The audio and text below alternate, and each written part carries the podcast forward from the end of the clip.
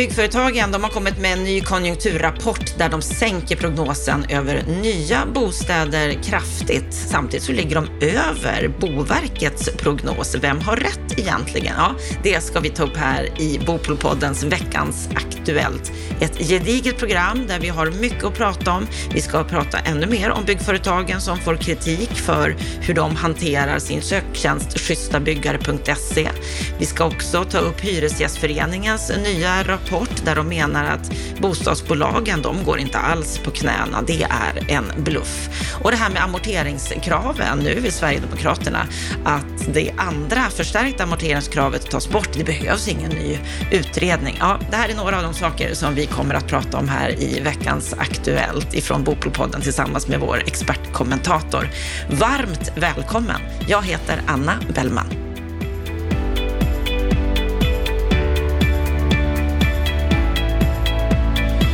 Och vi börjar den här veckans, veckans Aktuellt med att byggföretagen har kommit med en konjunkturrapport där de sänker sin prognos över nya bostäder kraftigt.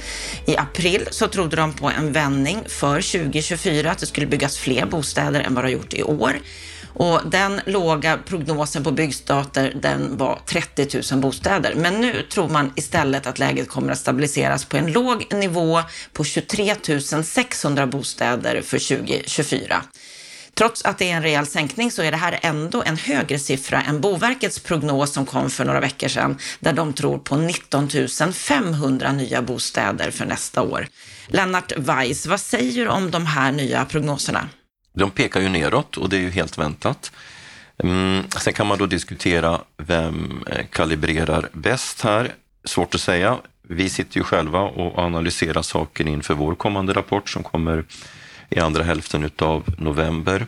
Jag lutar mer åt Boverkets siffra. Jag tror att Boverket har eh, börjat anpassa sig till vad ska vi säga, den faktiska verkligheten. De, de vet att vi fortsatt tar in data baserat på startbesked, men, men, men eh, de vet ju också att det är en skillnad på, på en administrativ registrering utav startbesked respektive faktiska byggstarter och jag tror att Boverket sakteliga vill anpassa sig till den eh, faktiska verkligheten och då ligger vi ju sannolikt under även Boverkets siffra fortfarande. Men det vet man ju inte än. Men Boverket har ju som bekant fått ett uppdrag att ta fram underlag för en mera korrekt statistik och jag tror att eh, väl vi har en sån så kommer det visa sig att vi befinner oss för 2023 i vart fall långt under 20 000 och att vi kommer att befinna oss under 20 000 2024 är jag helt övertygad om och det är kopplat till de egna analyserna som vi gör som analyserar marknadsdjupet eller det vi kallar för hushållens köpkraftiga efterfrågan. Och baserat på de analyserna så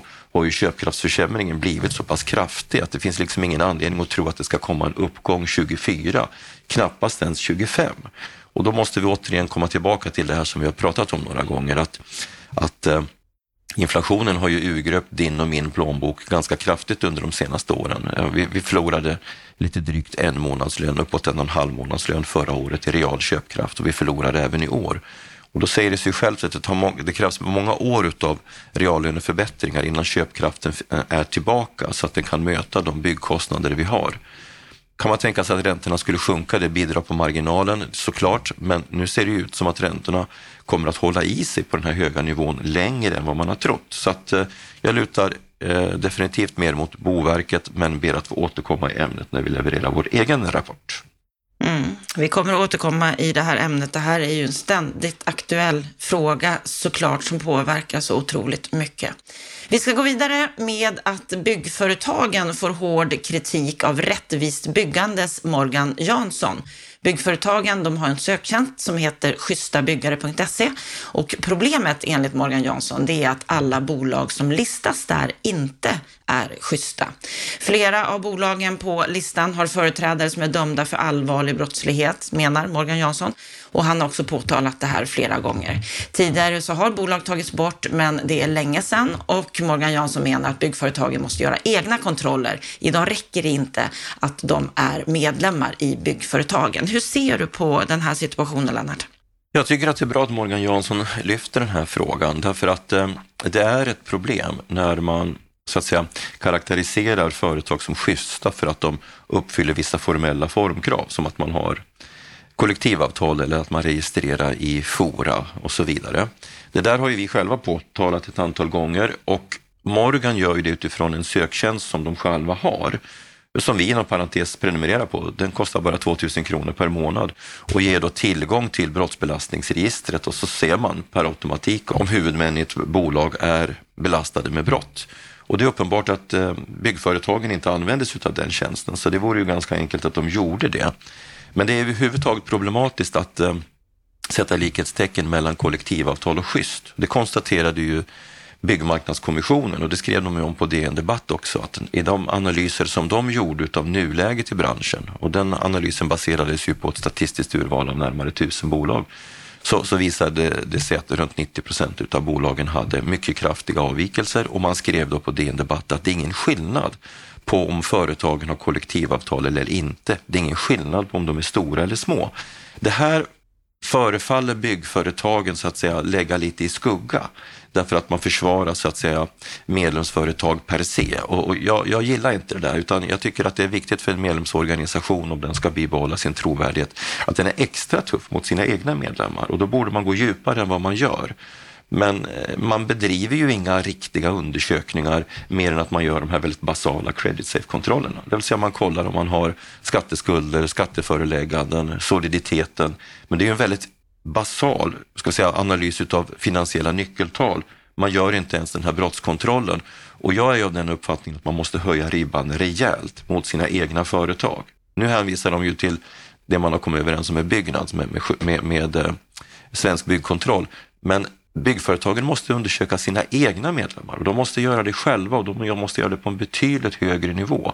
Och jag menar att de borde liksom jobba på samma sätt som Veidekke gör, där man gör fördjupade bolagskontroller och verkligen gå, gå in och analysera företagens data. Och så länge man inte gör det, då får det här uttrycket schyssta byggare inte riktigt eh, det innehåll det borde ha. Samtidigt så såg vi ju här att de för ett par veckor sedan prisades av Brå, Brottsförebyggande rådet, för sitt arbete mot arbetslivskriminalitet. Så det är väl ändå ett tecken på att de gör bra grejer, eller hur ser du på det? Ja, alltså jag tycker ju att det här är lite genant därför att eh, det här är alltså en, en, en eh, Brå är i det här fallet en förmedlare utav en tävling som sker inom den Europeiska unionen. Det är en årlig tävling där kommande EU-land får sätta ett tema för, för en tävling då som respektive medlemsland sen då genomför och så är det då Brottsförebyggande rådet som administrerar det i Sverige. I Sverige nominerades det tre bidrag och två av dem rörde ju snarare arbetskraftsexploatering för sexuella ändamål, så de mappade liksom inte riktigt på de här kriterierna. Det enda bidraget som mappade på kriterierna var alltså byggföretagens eh, bidrag. Men det som ju är lite genant i sammanhanget det är ju att det är byggföretagen själva som har nominerat sig till det här priset. Det är deras projektledare Johan Flodin.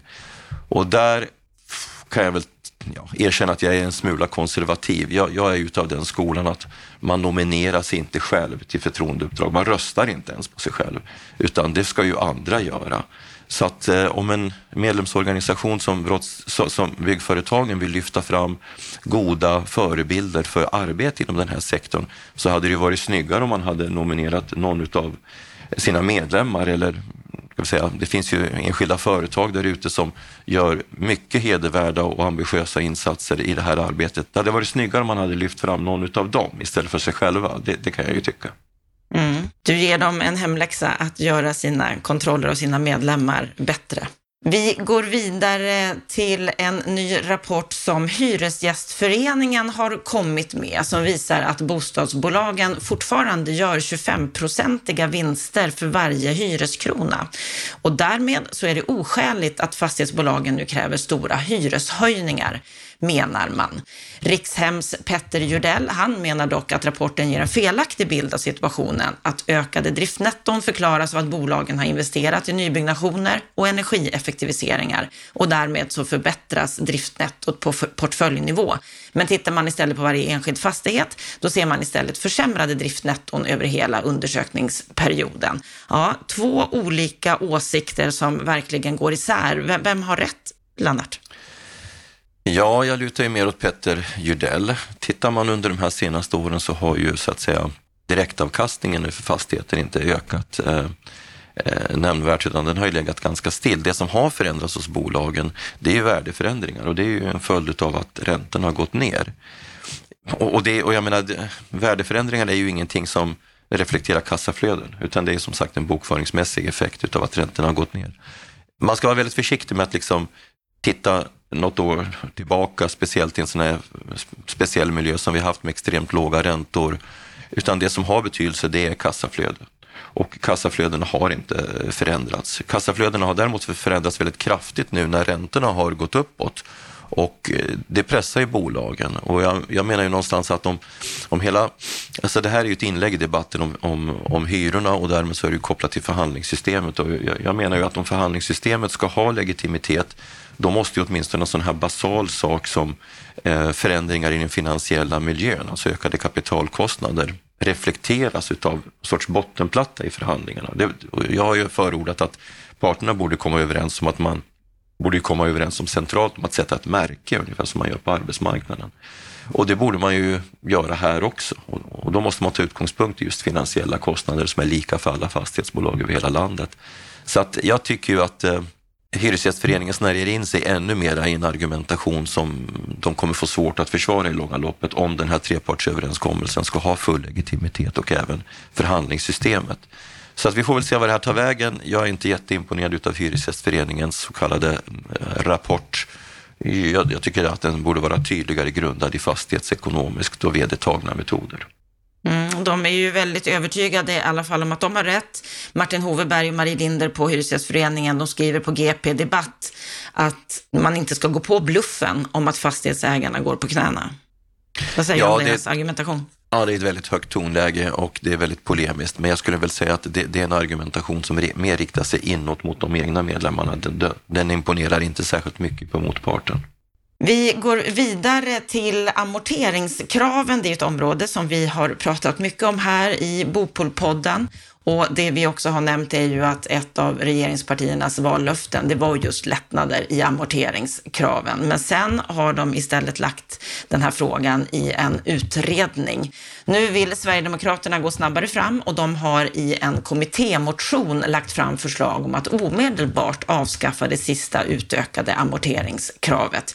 Och eh, SDs ekonomisk-politiska talesperson Oskar Sjöstedt, han säger till Altinget att det här det behöver inte utredas mer. Nej, snarare skulle det ha behövts en analys innan man ens införde det. Det tycker vi inte att man gjorde på ett bra sätt. Vad tror du att det innebär att Sverigedemokraterna nu sätter lite press på regeringen på det här sättet? Till att börja med så är det ju lite synd att inte Oskar Sjöstedt sa det från början, alltså när det andra amorteringskravet infördes. Då hade det haft effekt att säga någonting. Nu är det infört och det sitter ihop med ett större system eh, och det sitter ihop med ett större tankesätt om att det är förknippat med risker att hushållen eh, upptar lån och du vet ju att det är en debatt som jag har en hel del åsikter om. Den, den skiljer fortfarande inte på vad som är systemrisker och vad som är konsumentrisker utan den får till följd att trösklarna in på bostadsmarknaden höjs. Då tycker jag ju att det är bra att Oscar Sjöstedt går in i den debatten. Så det, det, det välkomnar vi. Tror du att det kommer få någon effekt, Anna? Nej, jag tror inte att det kommer att få det. Helt enkelt därför att nu har man tillsatt en utredning och har man tillsatt en utredning så får den jobba klart så fungerar det i konungariket Sverige så det kan vi lugnt räkna med. Sen kan jag väl i och för sig tycka att med tanke på att John Hassler som har blivit lite av regeringens superutredare ehm, jag kan tycka, han ska vara klar i oktober nästa år eh, och det är en väldigt sakkunnig utredning. Jag tycker nog att det är bra att de får jobba klart nu faktiskt, därför att då benar man äntligen på djupet i de här frågeställningarna. Alltså, jag, jag utgår ifrån att man kommer att bena i hela faktabilden och att man liksom borrar i de här sambanden skulder i förhållande till tillgångar, räntebetalningsförmågan. Hur ser hur ser hushållens lån ut i Sverige i förhållande till att vi har en stor bostadsmarknad som finansieras med bolån? Ehm, hur jämför vi egentligen siffror mellan olika länder. I, Sverige så har vi höga skatter alltså så, så, som ger välfärdstjänster som man får betala för själv i andra länder eh, utöver så att säga socialförsäkringsavgiften. Är det korrekt att jämföra alltså nettolön mot nettolön? Borde man inte jämföra bruttolön mot bruttolön och så vidare? Så det är bra att någon benar i de här sakerna äntligen och eh, kommer fram med ett svar så att vi får en långsiktig politik kring frågorna. Om Oskar Sjöstedt vill göra någonting, bidra till någonting effektivt på kort sikt så skulle han ju kunna trycka på regeringen om att ta fram den redan färdiga utredningen om startlånen. För att det där är en fråga som jag är så förbryllad över. Varje parti i riksdagen har sagt, säger före valet att man borde införa startlån eller varianter på det. Men sen när man kommer till regeringsmakten så gör man ingenting. Också de som sitter i regeringen säger ju på, politisk, på någon sorts policynivå att vi borde införa startlån. Ja, men ta fram den utredningen då och genomför den. Så där har du en grej att ta tag i, Oskar. Kör den istället. Och just den här frågan om utredningen av amorteringskraven, det pratade vi med vår måndagsgäst Johan Hansing från Bankföreningen som är en av experterna som John Hassler samarbetar med i den här utredningen. Så lyssna gärna på vårt program som vi sände nu i måndags. Vi ska gå vidare till regeringens budget för 2024 där en av satsningarna var en planeringsstimulans för konvertering av lokaler till bostäder. I en artikel i Fastighetstidningen så tar fastighetsägarnas Anna Turesson upp flera problem som man ställs inför om man vill konvertera idag. Bland annat att detaljplanen tillåter i många fall inte bostäder och att det tar flera år att ändra en detaljplan. Att byggreglerna ställer samma krav på konvertering som nyproduktion och är det egentligen rimligt? Och att dagens momsregler innebär att möjligheten till direktavdrag kan gå förlorad om man ändrar användningen av en lokal till bostad. Och hon säger så här att i värsta fall så kan en justeringsskyldighet utlösas, vilket innebär att man retroaktivt kan bli skyldig att återbetala för investeringar för tio år tillbaks. Och det leder till att man i många fall bestämmer sig för att avblåsa konverteringsprojekt. Hur ser du Lennart på den här problematiken? Är det lätt att åtgärda de här problemen? Nej, det är ju inte det. Det, det. det, kräver ju i praktiken en hel del utredningsarbete och förändringar i skattelagstiftningen och sånt tar tid. Så att det här kommer nog som en liten obehaglig överraskning för Andreas Karlsson och kompani. Jag skulle väl säga så här att det kan ju vara klokt av dem att låta Boverket och kanske även Finansdepartementet att snabbutreda det här. Det kanske finns möjligheter att göra mindre förändringar Eh, Eh, helt enkelt i förordningar som man kan hantera själva inom regeringen. Men det vet inte jag. Men jag skulle väl tro att, att den här eh, larmsignalen utlöser en viss aktivitet i regeringskansliet, för det blir ju lite genant om man går fram med ett förslag som i praktiken är ogenomförbart. Jag menar, redan det faktum att eh, de här signalerna kommer innebär ju att fastighetsägare kommer dra åt sig öronen och avvakta. I den mån det överhuvudtaget finns särskilt såna, särskilt många projekt. Jag menar, ingen av oss tror ju att det här kommer ha mer än mer än en högst symbolisk betydelse för att eh, åtgärda bostadsbristen. Men det är väl ett av få åtgärder som ändå har lyfts upp på bordet och då är det ju bra om de fungerar. Ett eh, annat verktyg skulle man kunna säga, det är detta med flyttskatt och då ska vi gå vidare till en annan nyhet från i veckan där Örjan Hultåker som är ordförande i Moderata seniorer i Stockholms stad skrev ett debattinlägg på Svenska Dagbladet Debatt inför Moderaternas stämma som var helgen som gick. Och där var ett förslag att ta bort vinstskatten för hushåll som bott i sitt hus i minst tio år. Och han skriver så här, det är unikt bland utvecklade länder att ha en evig flyttskatt. Det är ett av de verktyg som ger Sverige status för att vara ett högskatteland. Det speciella är att Sverige jämställer kortsiktig spekulation i till exempel aktier med långvarigt boende när man vill klämma ut skattepengar ur medborgarna. Ja, vad säger du om det här, Lennart, att ta bort flyttskatten? Det här tycker jag är ett riktigt konstruktivt inlägg i debatten faktiskt. Och, och eh, jag hoppas att eh, det lyfts upp till en bredare debatt därför att det är precis som han säger, ehm, att, att vi, vi sticker ut i form av att vi har en evig flyttskatt. I andra länder så räknar man av någon procentenhet eh, på lite olika sätt. Och det är en konstruktiv tanke därför att vi vet att det finns många människor i högre ålder som sitter i överstora villor och bostadsrätter som gärna skulle vilja flytta till en mer anpassad bostad men tvekar just till följd av eh, skattesystemets utformning. Så skulle man trappa av det här så skulle ju ett väldigt viktigt hinder för att omlokalisera sig på äldre dagar försvinna. Så att jag tycker det här är en bra tanke. Om det på det sättet skulle liksom kunna frigöras mera bostadsyta för nästa generation så vore det väldigt, väldigt bra. Och det spar ju kostnader i en annan ände så att säga. Det, det sänker ju trösklarna på olika sätt. Så att det här är en bra idé. Jag tycker den borde utredas och eh, så där, är ju ett, eh, där finns ju ett litet inspel till Andreas Karlsson och gänget att eh, titta på den här frågan.